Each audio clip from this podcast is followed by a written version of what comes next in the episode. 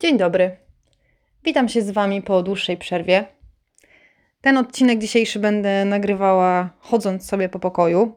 Od razu ostrzegam, że jeżeli będziecie słyszeć jakieś kroki, to ja sobie tuptam, bo stwierdziłam, że tak mi jest po prostu lepiej i tak się mniej denerwuję, a denerwuję się zawsze, kiedy mówię coś do ludzi i jest to coś dla mnie ważnego.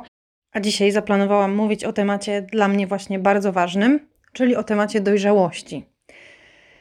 Miałam zamiar nagrywać ten odcinek, będąc dzisiaj na spacerze, ale wiał tak zajebisty wiatr po prostu, że pomyślałam sobie, że to będzie już strasznie nieprofesjonalne. Żałuję bardzo, że go nie nagrałam w tym momencie, bo i tak szłam i mówiłam do siebie coś, co chciałabym Wam przekazać. Pewnie strasznie głupio to wyglądało, bo nie miałam ani telefonu przy sobie, ani słuchawek w uszach, więc ludzie myśleli, że mówię sama do siebie, no ale trudno. Czasem lubię porozmawiać z kimś inteligentnym, czyli sama ze sobą. E, gdybym go nagrała na spacerze, na pewno powiedziałabym dużo więcej. Trochę mi już z głowy wyleciało. Mimo tego próbuję, bo jeśli nie zrobię tego teraz, to znowu będę to odwlekała i nie zrobię tego ani dzisiaj, ani jutro, ani pojutrze, ani znowu przez pewnie kolejnych kilka tygodni. Temat dojrzałości jest dla mnie o tyle ważny, że mam z tym lekki problem. Zawsze miałam, mm, bo gdzieś tam czuję, że od zawsze byłam bardzo, bardzo wysoko rozwinięta dojrzale. Nie wiem, czy takie słowo, wyrażenie w ogóle istnieje, ale powiedzmy, że tak. E, generalnie chodzi o to, że zawsze w szkole, w przedszkolu już yy, nauczycielki, rodzice mówili mi, że ja to jestem taka w ogóle super mądra i tak mi wszystko fajnie wychodzi. I słuchajcie, śpiewam w ogóle pięknie i ja to na pewno zrobię jakąś super karierę i w ogóle jestem taka inteligentna i och i ach. To gdzieś. Yy, gdzieś tam poczułam mm, takie piętno na sobie, że ja faktycznie muszę kurczę komuś udowodnić, że ja faktycznie odniosę sukces. A nie do końca tak się stało, no bo nie jestem dzisiaj ani zawodową piosenkarką, ani nie jestem aktorką, e, nie gram na deskach największych teatrów świata, po prostu pracuję sobie gdzieś tam w biurze, w jakiejś przeciętnej firmie, powiedzmy, zarabiam też, myślę, nie kokosy, tylko po prostu statystyczną polską wypłatę eee, i, i żyję. I kurczę, wiecie co? Mam się dobrze. Mam się dobrze, nie narzekam, ale gdzieś tam ten temat dojrzałości zawsze mnie nurtuje, bo odczuwałam jako dziecko już sama, że ja faktycznie mam o czym porozmawiać z tymi rodzicami, z innymi dorosłymi. Mm, potrafię się wypowiedzieć konkretnie, rzeczowo, ba, potrafię mieć, mm, potrafię być odpowiedzialna za swoje czyny, a uważam, że to właśnie charakteryzuje dojrzałość, że ktoś potrafi być odpowiedzialny i ponieść konsekwencje swoich czynów. Małe dzieci no nie są dojrzałe, one dopiero dojrzewają, więc popełniają kupę po prostu jakichś tam błędów y, emocjonalnych czy, czy rzeczowych i, i to jest ok, im się to wybacza. Dorosłym już niekoniecznie. Tylko o co w ogóle chodzi z tą dojrzałością? No, powiem Wam szczerze, że ja troszkę lubię się zawsze doszukiwać drugiego dna. Mówię tak, y, jest takie przysłowie, po nitce do kłębka, ja to zawsze odwrotnie. Od kłębka do po prostu początku nitki, gdzieś tam szperam, o co w ogóle w czymś, w jakimś temacie chodzi. Lubię rozgrzebywać takie, wiecie, różne ciekawe tematy. No i z tą dojrzałością to wydaje mi się, że w dużej mierze zależy to od naszej samoakceptacji. Kiedy my na przykład twierdzimy, że mm, mamy jakieś swoje konkretne zdanie na, na temat wyrobione, to na pewno nie dzieje się to przez przypadek. E, ale żeby to zdanie mieć wyrobione, musimy najpierw sami je w sobie zaakceptować. Ja bardzo długo, e, bardzo dużo czasu zajęło mi zaakceptowanie tego, że jestem dojrzała i może nawet bardziej dojrzała e, niż mój wiek by na to wskazywał. Przytoczę tutaj jedną sytuację, kiedy przyszłam do pracy w mojej firmie parę lat temu, chyba z 4 albo 5, znaczy przyszłam tam wcześniej, ale ta sytuacja akurat miała miejsce właśnie 4 czy 5 lat temu, to y, pracowałam mm, na słuchawce z klientami y, i pracowałam z różnymi tam wewnętrznie kierownikami czy, czy innymi sprzedawcami na moim poziomie, tak? E, którzy jeździli do tych klientów. No i mieliśmy kontakt telefoniczny i jeden z e, takich właśnie mm, osób starszych ode mnie wiekowo, natomiast na tym samym stanowisku sprzedażowym co ja, mm, powiedział do mnie przez telefon: A, co ty możesz wiedzieć? Przecież ty jesteś taka młoda. No i mnie zatkało w tym momencie, bo ja bardzo często słyszę takie rzeczy. I cholera jasna, wtedy do mnie dotarło, że kuźwa, no właśnie, że ja wiem, dużo wiem, bardzo dużo wiem, mimo tego, że jestem młoda i wiek wcale nie jest wyznacznikiem tego, że ja mogę czegoś nie wiedzieć.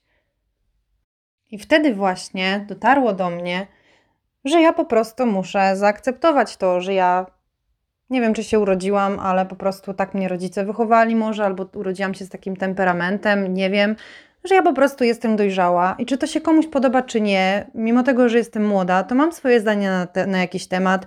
E, potrafię się zaangażować w dany projekt, potrafię wykonywać sumiennie swoją pracę e, i potrafię zdecydowanie dążyć do tego, żeby być e, w jakimś tam kierunku, w jakiejś dziedzinie, na której mi zależy, dobra. Nie mówię najlepsza, bo, bo niekoniecznie, natomiast dobra i wykonuję swoje zadania tak, żebym ja była sama zadowolona z siebie. Kiedy ja to zaakceptowałam, że ja faktycznie jestem dojrzała, zrobiło mi się, słuchajcie, lżej. Zdałam sobie sprawę z tego, jak bardzo ważne jest zaakceptowanie samego siebie. Yy, I właśnie to jest ta samoakceptacja, o której mówiłam, bo pod samoakceptację można podciągnąć różne rzeczy, ale uważam, że dojrzałość też w dużej mierze zależy od samoakceptacji. Są y, osoby bardzo inteligentne, na przykład, które znam y, i w siebie nie wierzą, nie akceptują siebie. Mam tutaj przynajmniej kilka takich przykładów na myśli. I moim zdaniem są bardzo niedojrzałe emocjonalnie bo popełniają kupę jakichś tam bzdurnych błędów, a mogłyby po prostu uwierzyć w siebie i piąć się po szczeblach kariery, nie wiem, czy tam w życiu prywatnym, po prostu być szczęśliwymi, zadowolonymi ludźmi. Ale tak nie jest. Ja to w ogóle mam wrażenie, że ja mam takie w sobie dwie dojrzałości. Nazywam je swoimi poddojrzałościami. Dzielę je na takie kategorie jak e, dojrzałość emocjonalna pod względem spraw takich, wiecie, sercowych, rodzinnych. E, I druga dojrzałość to jest właśnie ta, która dotyczy spraw służbowych, nie wiem, tych mm, szkolnych powiedzmy, czy jakichś tam po prostu bardziej takich rozwojowych, o, może tak.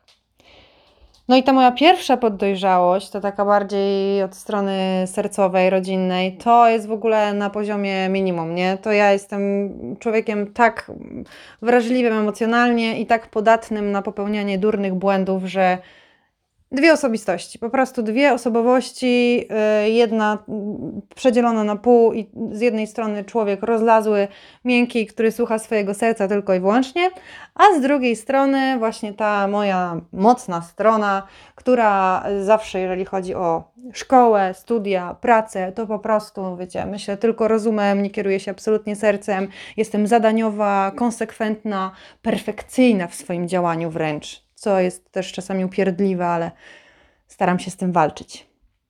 W każdym razie chciałam tutaj pokazać, że dojrzałość dojrzałości nierówna, jakby jest yy, gro takich sfer naszych życiowych, na które możemy różnie reagować.